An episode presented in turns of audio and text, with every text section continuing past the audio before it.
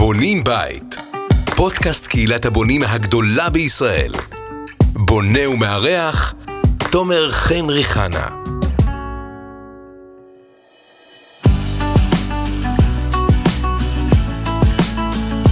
טוב, ברוכים הבאים, אנשים יקרים, ברוכים הבאים לפרק הרביעי בפודקאסט בונים בית. והפעם אנחנו הולכים לדבר על כל עולם קבלני השלד והמפתח, אה, כל האמת וכל מה שלא מספרים לנו, כאן בבונים בית, קהילת הבונים הגדולה בישראל. כאן תומר חן ריחנה, ואנחנו כאן כדי לשנות. אה, אז חברים, מה זה קבלן שלד ומה זה קבלן מפתח? ומתי ניגשים אליהם? להצעת מחיר בכלל. אה, קבלן שלד זה בעל מקצוע שאחראי על בניית השלד הבניין שלכם, אה, מא' עד ת', משלב הביסוס ועד סיום השלד. קבלן מפתח זה קבלן שאחראי על כל בניית הבית שלכם משלב השלד ועד שאתם נכנסים לבית שלכם. אה, נדבר גם כן אחר כך על יתרונות, חסרונות, האם צריך מפקח על קבלן מפתח, מה לבקש בחוזה מול קבלני השלד, אה, על מה להקפיד, איך ניגשים לקבלן מפתח, מה החסרונות של קבלן מפתח ועוד ועוד. אה, נמצאים איתי כאן שלושה קבלני שלד ומפתח שאני מכיר כבר שנים רבות.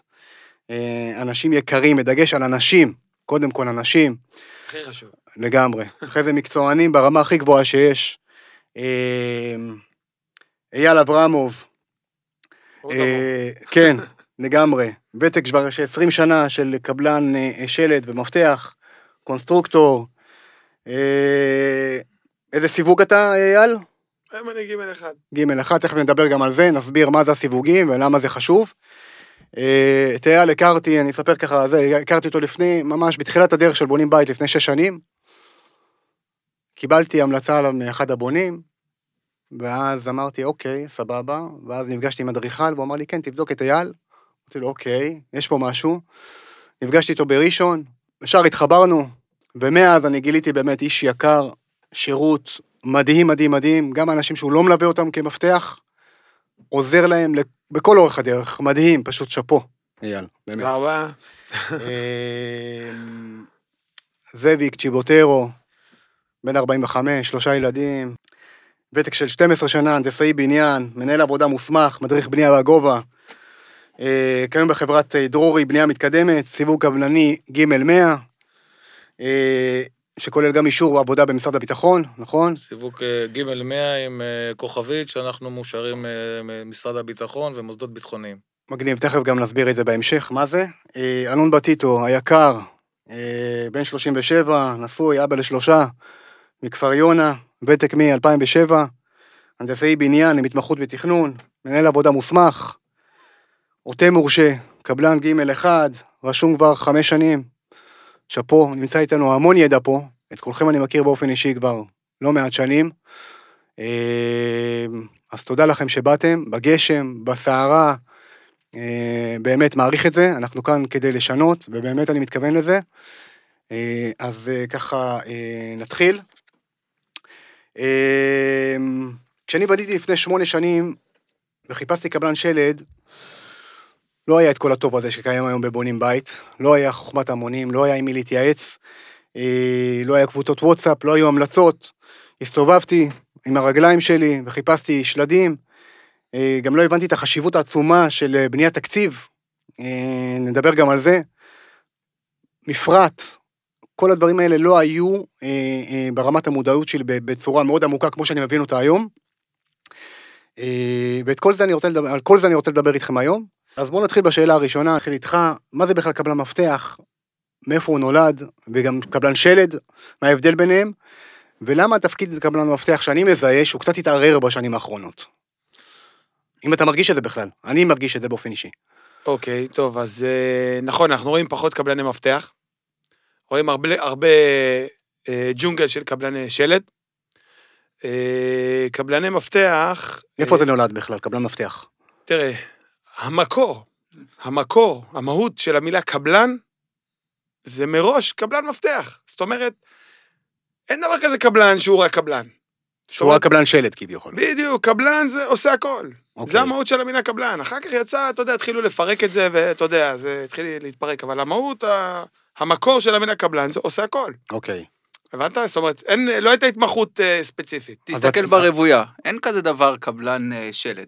זה קבלן נכון, ראשי. יש קבלן ראשי, קבלן גם ראשי בארצות הברית זה עובד ככה, יש קבלנים שבונים לך מעל קבלנים לפניו, ראשיים, אין שם קבלני... יש קבלני משנה, נכון. זה משהו אחר. יש קבלני משנה, זה נכון. משהו אחר. אבל הם תחת הקבלן הראשי. כן, בדיוק. זה משהו אחר, אבל קבלן משנה זה משהו אחר. אה, אז אוקיי. מתי זה איתה שהתחיל, אם בכלל, שאתה עושה הרי גם שלט וגם מפתח? כן. מתי זיהית שהשוק הזה כאילו התחיל פחות ופחות לקחת קבלני מפתח ויותר להתמקד בפירוק של זה, מאז שנכנסו מפקחים, מאז ש... אני לא יודע. כאילו, תוכל להסביר לי מה העבר שלך. אה, אני- תראה, אני בן לקבלן, אוקיי? זאת אומרת, אני גדלתי לתוך הדבר הזה, ומה שאני יכול להגיד לך, שבעצם בשנות ה-80, שנות ה-80, היה יותר את הקטע של קבלן, קבלן שהוא קבלן מפתח. שעושה אומרת, הכל. שהיה עושה הכל, ופחות קבלני, אה, קבלני שלד, ואחרי זה ריצוף, וזה פחות היה. היו כאלה שמביאים, היו הרבה פועלים מעזה שעבדו, ואנשים היום איכשהו מגיעים למאוגף, היו, יש כאלה שלוקחים את, ה, את הריסק והיו מנסים להתעסק עם אה, כל מיני... אם לפרק את עם העבודה. פועלים. כן. עם, לא, אבל הם, הם, הם היו מתעסקים ממש עם פועלים. אוקיי, ומנסים לחסוך ועושים, אבל זה שנות ה-80, זה, זה עולם אחר לגמרי. זה, לא, אוקיי. זה לא מה שהיום. קורה- אז מה קורה היום? זה לא הרמה של היום גם, זה, אתה יודע, אני רוצה לבנות קיר, אני רוצה לבנות קיר עכשיו, בחצר, הולכים למאוגף, מביאים, אתה יודע, אתה, אתה בנאי, כן, אתה זה, כן, זה, אוסף אותם ויאללה. אז מה קורה היום? שחרר אותם, היום זה כבר, אה, עכשיו, מה שקורה זה, אה, הקבלן, אה, בעצם אותו קבלן, שהוא היה קבלן מפתח ובעצם היה הכל, הת- התערער בגלל רמת העבודה. אוקיי, אוקיי, רמת העבודה, זאת אומרת, עכשיו, התחילו להיכנס לשוק כל מיני קבלנים כביכול כאלה, והיו מבצעים את העבודה לא ברמה גבוהה, הכי טובה, כן. ויש בעיות, ויש ליקויים. ו... ומפה, אתה יודע, מפה זה התחיל אה, פשוט... אה, ואז ל- גם נולד משם. הפיקוח. בדיוק, התחיל להיכנס לרדת. יותר ויותר מפקחים לשוק. בדיוק. הפיקוח, אני נתקלתי בו בפעם הראשונה, בוא נגיד משהו כמו עשר שנים, פתאום מפקח. אוקיי. לא שמעתי על זה לפני כן, אתה יודע, אף פעם לא היה להם מפקח, פתאום מפקח. שמצד אחד, נחמד, עוד עין אחת בפרויקט, מצד אוקיי. שני, אתה אומר, רגע, מה עכשיו, אני לא יודע, אני לא מכיר את הבן אדם הזה, אני לא יודע מה הוא רוצה ממני עכשיו. אתה מבין? יתחיל לנסות כל מיני, להראות שהוא, לא, אתה לא יודע, לא משנה. אני מטבעי, אתה מכיר אותי, בן אדם זורם. והבנתי היום, שמפקח זה דבר טוב. כמובן מפקח טוב, כן? כן, לא כן, אחד ברור, ברור, ברור, אנחנו לא מדברים אחד על... שיודע רק לשתות קפה. ברור. אה, מפקח טוב, הוא עוזר לא רק לבונה, הוא עוזר גם לקבלן. אוקיי. והיום יש לי קבלן, אני מלך. יותר קל. ויש לך מפקח, אה, אה, מפקח, כן. כן. יש לך עם מי. לדבר בצורה מקצועית. גם יש יותר, בדיוק, הוא, הוא, מביא, הוא בעצם החיץ ביני לבין הבונה. כל השאלות מופנות למפקח. פחות... ההת- אה, ההתמודדות המקצועית עם מפקח היא הרבה יותר קלה לנו בתור קבלנים. בדיוק, הוא מוריד לנו... מאשר להסביר כן, עכשיו ללקוח אה, קצה, אה, כן. כאלה, דברים כאלה ואחרים שהם בעצם דברים מקצועיים. בדיוק. אוקיי. נכון. עכשיו, אתה, אתה, זאביק, היית לא לא מעט זמן גם קבלן עצמאי, אה, חברה משלך, היום אתה עם אה, אה, אה, חברת אה, אה, אה, דרורי. נכון. אה, איך אתה רואה את זה מהניסיון שלך בעבר? מה זה בכלל קבלן המפתח? איך הוא... תן לי ככה מהניסיון קבלן- שלך, איך אתה, איך אתה רואה את הדברים, גם יתרונות, חסרונות שלו, ואיך התקדמו הדברים מבחינתך, מאז אז, שאתה... אז קודם כל, להבדיל, להבדיל מחברי, אה, רוב הלקוחות שמגיעים הם, הם לשיטת בנייה שאנחנו בעצם מבצעים, הם לקוחות שמחפשים קבלני מפתח. אנחנו אה, עוב- עובדים ב, ב, בדקי דופן, אה, בבנייה מתקדמת. לא רק, אנחנו פה לא רק לדקי ולא דופן, רק אנחנו בכלל, לדקי כן. דופן, אבל... נדבר על הרעיון הכללי אבל של קבלן מפתח. הלקוחות בעצם מגיעים אלינו, אה, מגיעים אלינו לקבלנות עד מפתח. הם באים מתוך צורך כזה שחלקם אין להם בכלל את הזמן להתעסק עם, אה, עם פרויקטים ועם קבלנים בדידים. אוקיי, הם רוצים ביטחון והם רוצים אחריות כוללת. הרבה היום- שקט נפשי. היום שאתה מפרק את העבודה, לא משנה באיזה סוג של פרויקט, אתה מפרק את העבודה, מתחיל כל נושא של אחריות. טיב ביצוע, איך עושים, כן. מה עושים. חברה קבלנית שהיא חברת מפתח, נותנת לך אחריות כוללת, בטח. גם לאיתום, וגם ל- לנזילות, וגם לאלומיניום, וגם לתקלות, גם על פי חוק, ואפילו מעבר לכך. זה שיש לך בן אדם אחד שאתה עובד איתו ומתעסק איתו, מבחינת הלקוח קצה, זה יתרון עצום. אבל אבל אין... יש גם חסרונות לקבלן אה, מפתח. תראה, כללי, הוא מדבר, הוא מדבר כללי כן. לבונים.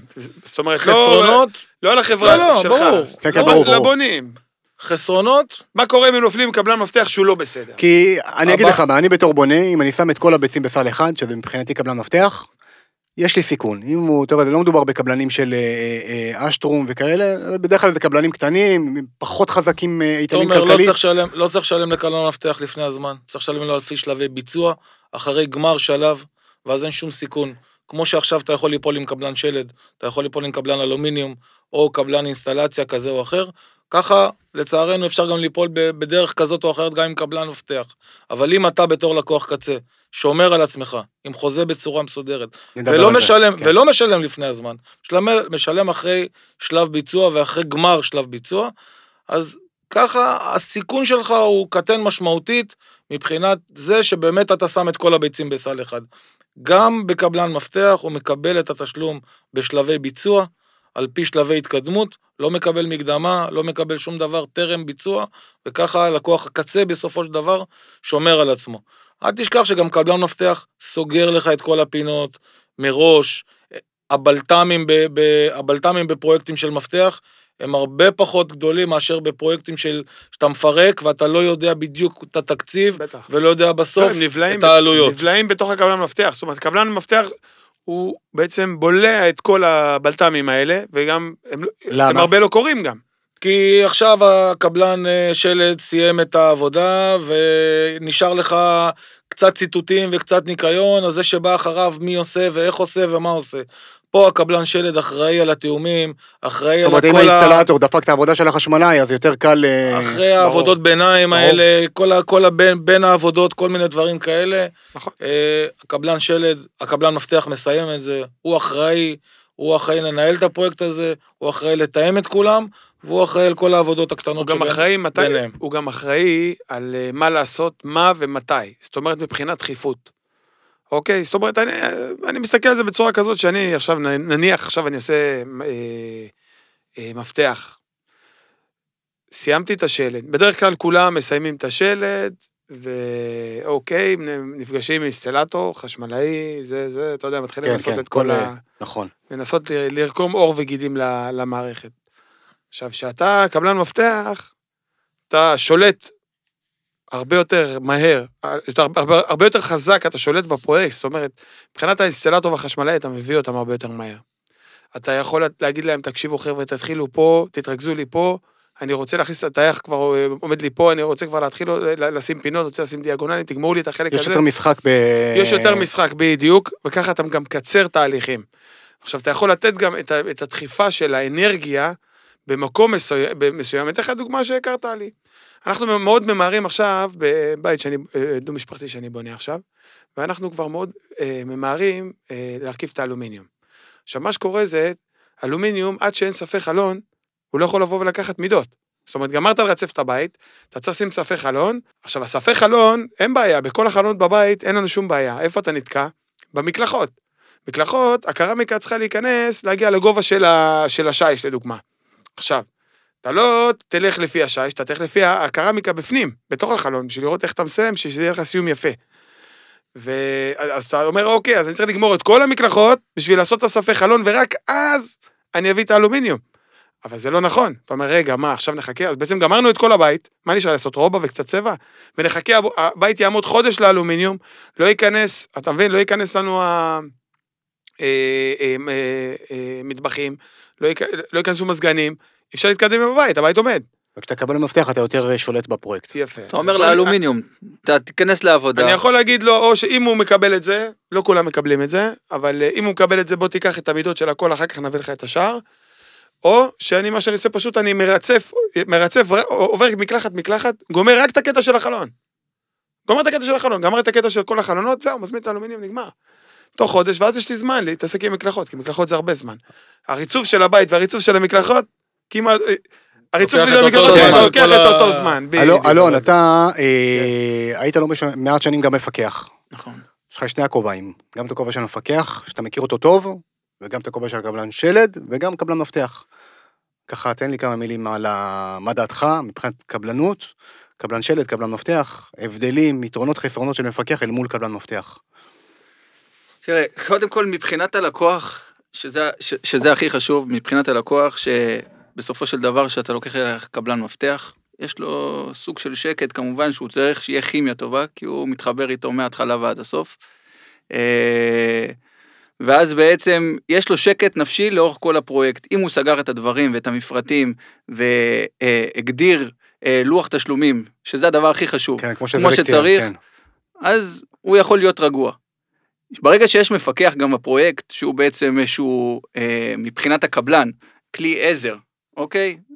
הוא גם בעצם דוחף את, דוחף את הפרויקט קדימה, כי כל הבעיות הקטנות, כל הבלת"מים, כל הדברים שבעצם אה, לא ברורים עד, עד הסוף ללקוח, הוא גם נותן להם את החיזוקים וסוגר את הפינות, ובעצם מבהיר ללקוח שהוא מן הסתם לא חי מהעולם הזה. כן.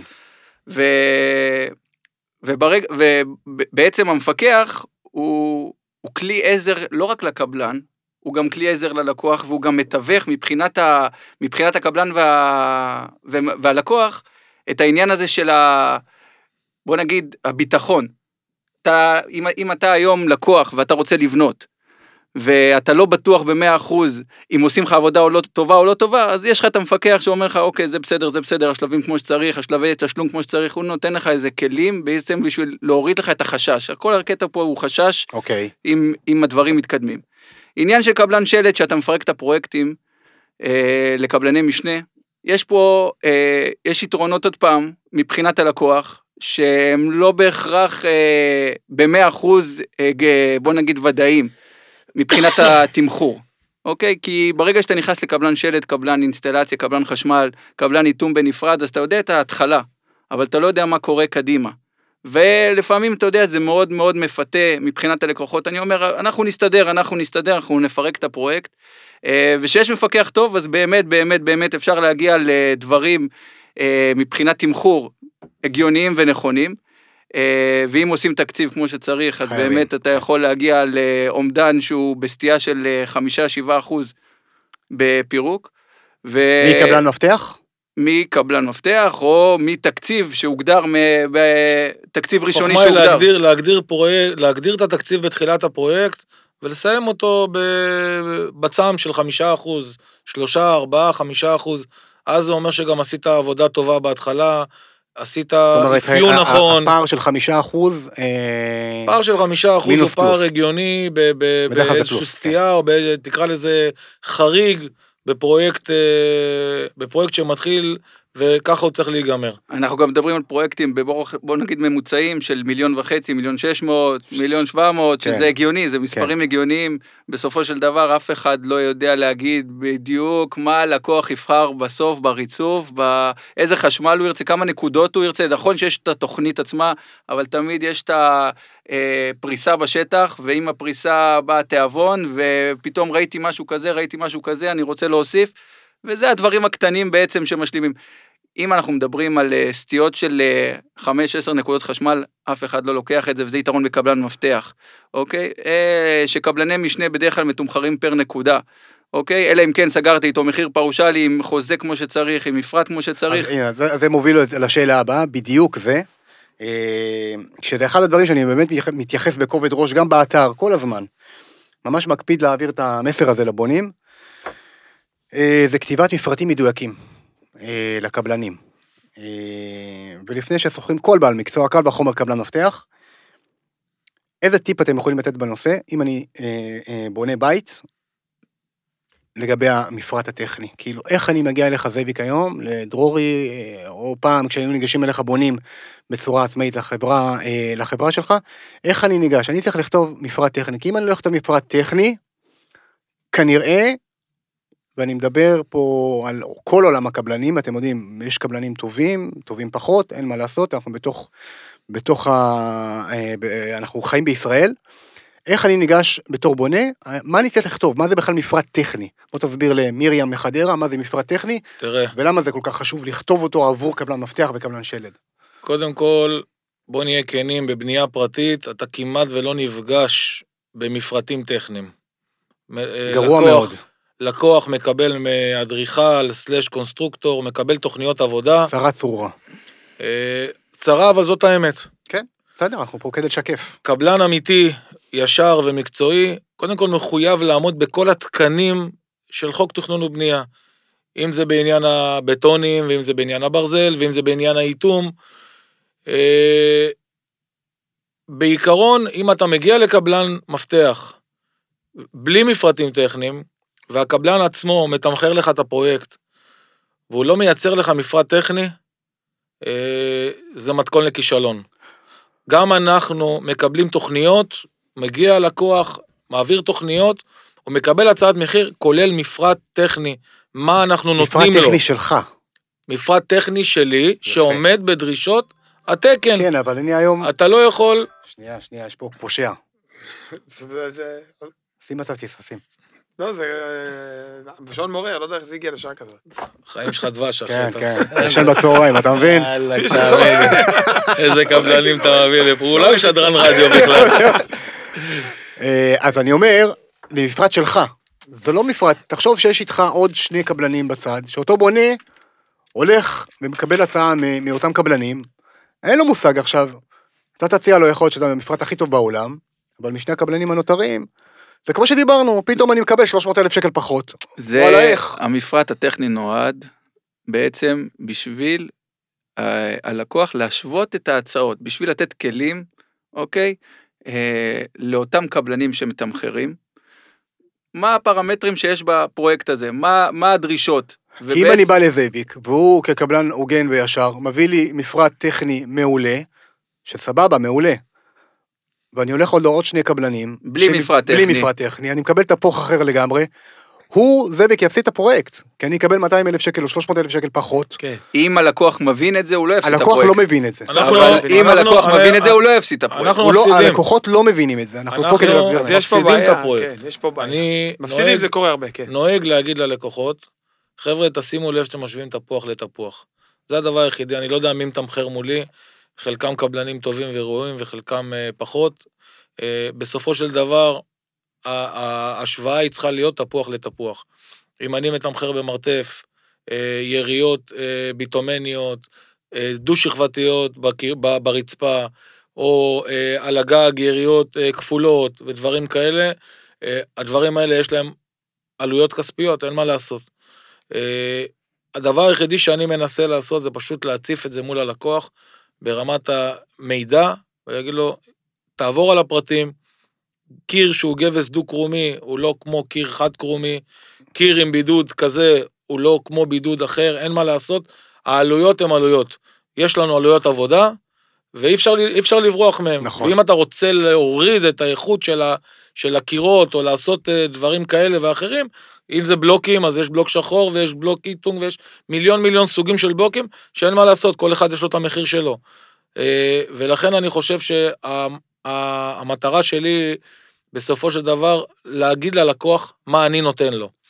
ולנסות להבהיר לו את העניין נכון. הזה בצורה הכי מקצועית והכי ישרה. והמטרה שלי זה להסביר להם, יחד איתכם, ולכן אני אומר להם, חבר'ה, תכינו מפרט טכני, לכו למפקח, לכו למהנדס, תבואו לבונים בית, תעשו מה שאתם רוצים, רק תבואו מוכנים עם תפוח. אנחנו, כשנגיע למפקחים, אז נדבר כן. על הנושא של הפיקוח הזה, כי זה, זה בעיניי אחד, אחד הנושאים הכואבים שיש בבניין. אז אנחנו נגיע לזה. אבל שנגיע אבל, לזה. אבל, זה, אבל זה, זה, בערך- זה בגדול המפרט הטכני, זה תרגום של התוכניות של האדריכל, תכלס לחומרים בשטח שאתה בתור קבלן צריך להביא לי, נכון?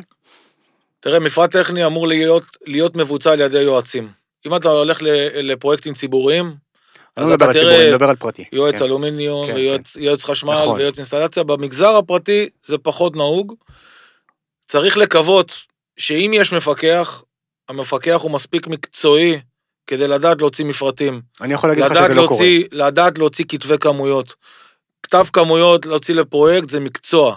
זה לגמרי, לא נכון. לבוא ולרשום על כל סעיף קומפלט, קומפלט, נכון. קומפלט, וזה מה שאנחנו נפגשים.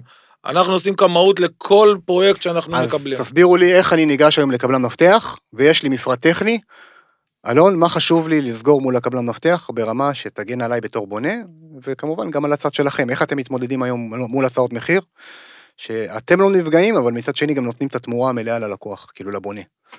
קודם כל, כל מה קבלן... חשוב להכניס בחוזה אל מול קבלן מפתח, מבחינתי, בתור בונה. לא, אנחנו מדברים, קודם בוא נדבר רגע על, על המפרט הטכני. קודם כל, אני עוד פעם, ב, אם, אני לא, אם אני מקבל אה, תוכניות בלי מפרט טכני, שזה פחות או יותר מה שאתה מקבל רוב הזמן. שזה רוב הזמן, כן. אני בסופו של דבר אה, נותן את המפרט שלי, את האני מאמין שלי, אוקיי. שמבחינת הלקוח זה מבחינת סטנדרט ממוצע פלוס, אוקיי? כי אתה בסוף מתחרב בשוק הזה. שהשוק הזה, אה, היום יביאו לך בלוק שחור, מחר יביאו לך בלוק פומיס, ובשביל להתחרות אתה צריך ללכת עם אני מאמין. מה זה אני מאמין? כי אתה גם בסוף פוגש את הלקוח לא רק בבנייה עצמה, אלא גם אחרי הבנייה. ואתה רוצה שהוא ימליץ עליך, אוקיי? ואתה רוצה בעצם לא לחזור לבית הזה. לא, אתה לא רוצה לחזור לבית אה, מבחינת בעיות אה, טרמיות, מבחינת בעיות אה, אטימות, מבחינת בעיות אינסטלציה, אתה לא רוצה. אז אתה צריך ל- ללכת עם אני מאמין, עוד פעם, בהנחה שאין מפרט טכני. ובדרך כלל, ב- ולה, ולהגיע למצב שאתה דווקא מהמחמירים ולא מהמקלים. זה לפחות איך שאני הולך. אה, ברגע שאתה בא עם מפרט טכני, אוקיי, ושאתה מקבל מפרטים טכניים, זה יותר- זה יותר טוב לך. זה יותר טוב לך. ויותר קל לך, אבל אה, יש גם הרבה בעיות עם זה. למה? כי זה לפעמים סותר את, ה, את ההבנה ואת הידע המקצועי, אז אתה נכון. צריך לבוא ולהגיד ללקוח, תשמע, יש פה בעיה, 1, 2, 3, סתם דוגמה, אתה עושה יריות, עושה יריות במרתף, אה, באדמה שחורה, ודרשו ירייה אחת 5 מילימטר, סתם דוגמה. אתה לא רוצה לחזור למרתף הזה אף פעם. אז מה, אתה תלך ותיתן הצעת מחיר על בית באיתום אה, אה, עם מרתף ירייה אחת, שזה, אתה יודע שהאדמה היא בעייתית, ואפילו ה- התקנים, אוקיי, בוא נגיד, אין תקן למרתף, אבל נכון. הדרישות, אוקיי, מחמירות שמה ואומרות, תלך על שתי יריות. אז, אז כאילו מראש אתה כאילו בא ללקוח, אתה בא ואומר לו, אה, אלון, אבל זה התפקיד שלך, התפקיד שלך זה גם להעיר את המפרט הטכני ללקוח, ומבחינתי זה לא, זה לא משהו שלילי, זה משהו חיובי. לבוא, אתה עוד בעל מקצוע, ואתה עוד עין, עין אה, מקצועית, ואתה אתה מגיע ללקוח, ואתה אומר לו, תשמע, פה לדעתי המקצועית, יש פה בעיה, ואני רוצה לעשות לך פה שתי יריות, שתי שכבות של יריות, 4 מילימטר או 5 מילימטר, אה, להבדיל ממה שכתוב במפרט, או בנוסף למה שכתוב במפרט, כי לדעתי זה לא מספיק טוב. כן, אבל אתה עוד, עוד, עוד פעם, צריך להבין שהלקוח עוד לא מכיר אותך. זה שהלקוח עכשיו במשא ומתן איתך ועם עוד חמישה קבלנים, ואתה רוצה להתחרות, ואתה רוצה את העבודה, אז אתה בסוף נותן לו הצעה, וברגע שאתה איתו במשא ומתן, ואתה אומר לו, תשמע, צריך לעשות פה בעצם שתי יריות ולא ירייה אחת, וזה עולה עוד איקס כסף, אז או שאתה צריך איכשהו להתכווצ'ץ' ולהגיע לאותו סכום, כמו שכולם נתנו, אה, עם, עם מפרט יותר גבוה, או שאתה בא ואומר לו, תקשיב, זה יעלה לך סתם דוגמה, איקס כסף למטר, ואז אתה פתאום הופך להיות בעייתי. למה אתה בעייתי? אתה קופץ מעל כולם, אוקיי? שבסופו של דבר, שהמפרט לא הגדיר את זה, אבל אתה רוצה להיות אמיתי עם עצמך, אתה רוצה להיות שלם, כאילו אתה בונה את זה לעצמך. ומשם מתחילים הבעיות מבחינת המפרטים. שזה יכול לעזור, אבל זה יכול גם לפגוע בבונה, כי הבונה לא מבין בזה. מבחינת הבונה, הבונה לא מבין. נכון. הבונה מבחינתו, יש לי מפרט, האדריכל רשם לי את זה, הקונסטרוקטור רשם לי את זה, בזה- בדרך כלל זה פרטים סטנדרטיים, מעתיקים מבית לבית. זה הבעיה, זה הבעיה העיקרית. השאלה היא רק מי עושה את המפרט. האדריכלים הם לא מספיק לא. מקצועיים לעשות מפרטים, נכון. קונסטרוקטורים גם לא, נגיד, אם, נכון. זה לא- לדוגמה, זה לא קונ- התפקיד שלהם. קונסטרוקטור חייב להוציא ב- ב- ב- ב- ב- בתוכניות שלו פרטי איתום. סתם, הוא מחויב, הוא לא- אוקיי? הוא לא, הוא לא מחויב. כן, ב- בתוכניות אתה תראה בכל... אתה בכל תראה, כן, אבל... אה, הם- הם לא מוציאים. את זה- הם לא יודעים שהם מחויבים, ברגע הם שהם שמו את הפרטי איתום. הם סתם עושים העתק איתום. הדבק. אתה לא מאמין, גם יש פרטי איתום, שלפעמים מקבל תוכניות, לפני 10 ו-15 שנה, אותו פרט איתום, שכבר הכל השתנה עושים מאז. העתק הדבק. כן. אני, אני, הוא חושב לא ש... אני חושב שמה שאלון אמר זה נכון, ואני חושב שהוא מחויב, אנחנו נכון. מחויבים בתור קבלנים. אתה יודע מה? גם אם הפסדנו את הפרויקט, לבוא ללקוח ולהגיד לו, איש יקר, זה לא תקין, צריכים פה להוסיף. אם יש לך חמישה מתחרים ואתה היחידי שהצבת את זה, אתה יודע מה? בעיניי זה ייתן לך יתרון ולא חיסרון. איך אתה, איך אתה מתמודד עם זה, אה, איך אתה רואה את ההצעות מחיר ב... אני אגיד לך מה. זה... אי אפשר להתמודד עם הדבר הזה. יש פה בעיה. והבעיה היא בעיה קשה, שתשמע, מי שיש לו ראש פתוח, ובונה שהוא קצת, אה, אתה יודע, ראש יותר פתוח ויותר אה, מבין עניין. מבין עניין, אז הוא מתחיל לחשוב, רגע, נראה לי הגיוני, הוא צודק, הוא... אתה מבין? אבל יש כאלה שעכשיו מסתכלים רק על הכסף, ורק על, אה, אתה מבין? אתן לך דוגמה, עכשיו נגיד, נתחיל הם בדרך כלל מסתכלים רק על השורה התחתונה, הם לא באמת קוראים את המפרט. אני נותן לך עכשיו פרצה בשלט, כי, כי הם יוצאים, הם, סליחה, הם, הם יוצאים מנקודת הנחה שמי שעושה להם את המפרט, עושה להם מפרט טוב. אז הם באמת לא יורדים לרזולוציה. למרות שהיום, הלקוחות של היום, אני חייב להגיד, חבר'ה שהם מבינים עניין, הם. קוראים באינטרנט, הם יודעים מה זה בלוק, והם יודעים מה זה בטון, והם יודעים מה זה גבס, הם באים ויושבים איתך ושואלים אותך שאלות הנה, תראה. מקצועיות, מקשיבים לפודקאסט הזה ופתאום יודעים מה לשאול. נכון? כן. שואלים אותך שאלות מקצועיות, אבל הרוב זה החבר'ה הצעירים. אתה יודע. ואתה צריך לדעת ולתת צעירים. תשובות מקצועיות, כי כן. זה חבר'ה שבאים מוכנים עם דפים ויודעים מה לשאול. יודעים, כן. פיתוח. שורה תחתונה, היום בתור בונה, איך אני, נכון לי לגשת לקבלן מפתח. בצורה נכונה. אתה צריך אנחנו ללכת... בתוך העם אנחנו חיים, אנחנו... אתה צריך, כנראה מתוך החמישה קבלנים, אני- שניים יהיו פחות טובים. אני אגיד לך משהו אחד. כלל, על כף יד, איך כן. אני רואה את זה. כל בעל מקצוע, לא בעל מקצוע רק קבלן מפתח או לא משנה מה, חמש המלצות אחרונות מחמש עבודות אחרונות. זה כלל מפתח לפי דעתי, המינימום שבמינימום. ולהגיע עם מפרט. זה, אתה עם מתחיל מפרט. מפה, אחרי שעברת את השלב הזה, אז אתה מתחיל מפרטים, מתחיל, אתה יודע, מתחיל את כל ה... נתחיל, נתחיל מזה שהוא חייב להיות קבלן רשום ברשם הקבלנים, זה עם כמובן, סיווג. סיווג מותאם ל- לסוג העבודה. אה, אז יבוא משה מהקהילה ויגיד, עזוב, תומר, מה זה, כאילו, יש לי את, אה, סליחה על השם, אה, לא משנה, אה. ישראל, כן. לא קבלן רשום, אבל אחלה קבלן. ליגה. עבירה פלילית, מי שרוצה לעשות עבירה, זה כמו שתיסע בלי רישיון, הכל טוב. אתה לא יכול להיות אחראי לזה. גם אין אוקיי, ביטוח. אם- אם ביטוח החוק- לא, דרך אגב, אם החוק ביטוח- דורש ממך, אה, מי שמחפש לעשות עבירות אה, בתחום הבנייה, אה, שנינו, ש- ארבעתנו, חמישתנו פה מבינים שעולם הבנייה הוא עולם ג'ונגל. מאוד מאוד מאוד מערבון פרוע, אין שום בקרה, אין שום עקיפה, ולכן קבלן בטח רשום, לא, בטח זה- לא במגזר הפרטי. נכון. אבל עדיין, קבלן רשום כן נותן לך איזשהו מנגנון נכון. הגנה זה מסנן ראשוני. עוטה מורשה, כן נותן לך מנגנון הגנה, חשמלאי שהוא חשמל... אתה יודע, יש גם כן, לגמרי, מיליון חשמלאים. נכון.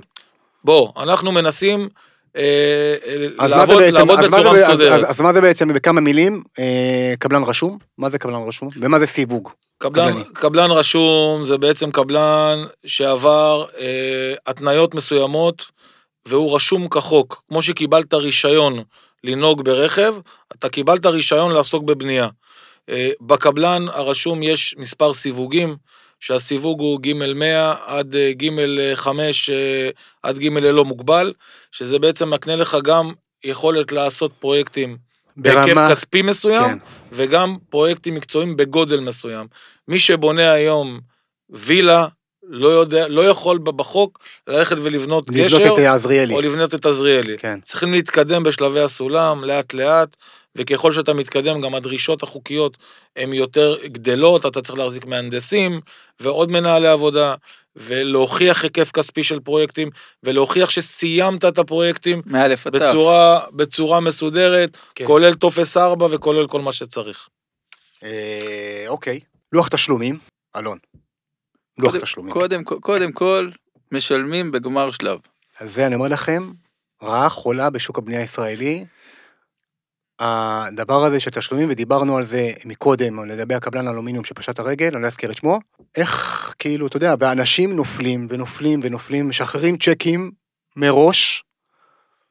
איפה, איפה הגבול? תראה, צריך להיות תמיד אה, בשליטה מבחינת הלקוח על הכסף שלו. וצריך להיות, לה, לה, להכין את כל השלבי תשלום בצורה חכמה ולה, ו, ובריאה, בוא נגיד ככה, כי גם הקבלן, נכון, גם, גם- הקבלן צריך גם סוג של הגנה. הקבלן, גם הקבלן הוא רוצה הגנה, והוא גם לא, בוא נגיד ככה, לא יפתח ללקוח יותר מדי אופציות בשביל להשאיר אותו עם אה, 100 אלף שקל אה, פתוח בפרויקט של אה, מיליון, מיליון וחצי. אז אם יש לך מפקח, אז יש עוד איזה גורם באמצע, שבעצם מגשר בין הפערים ויש לו את ההבנה בהנחה שהוא מבין והוא יודע.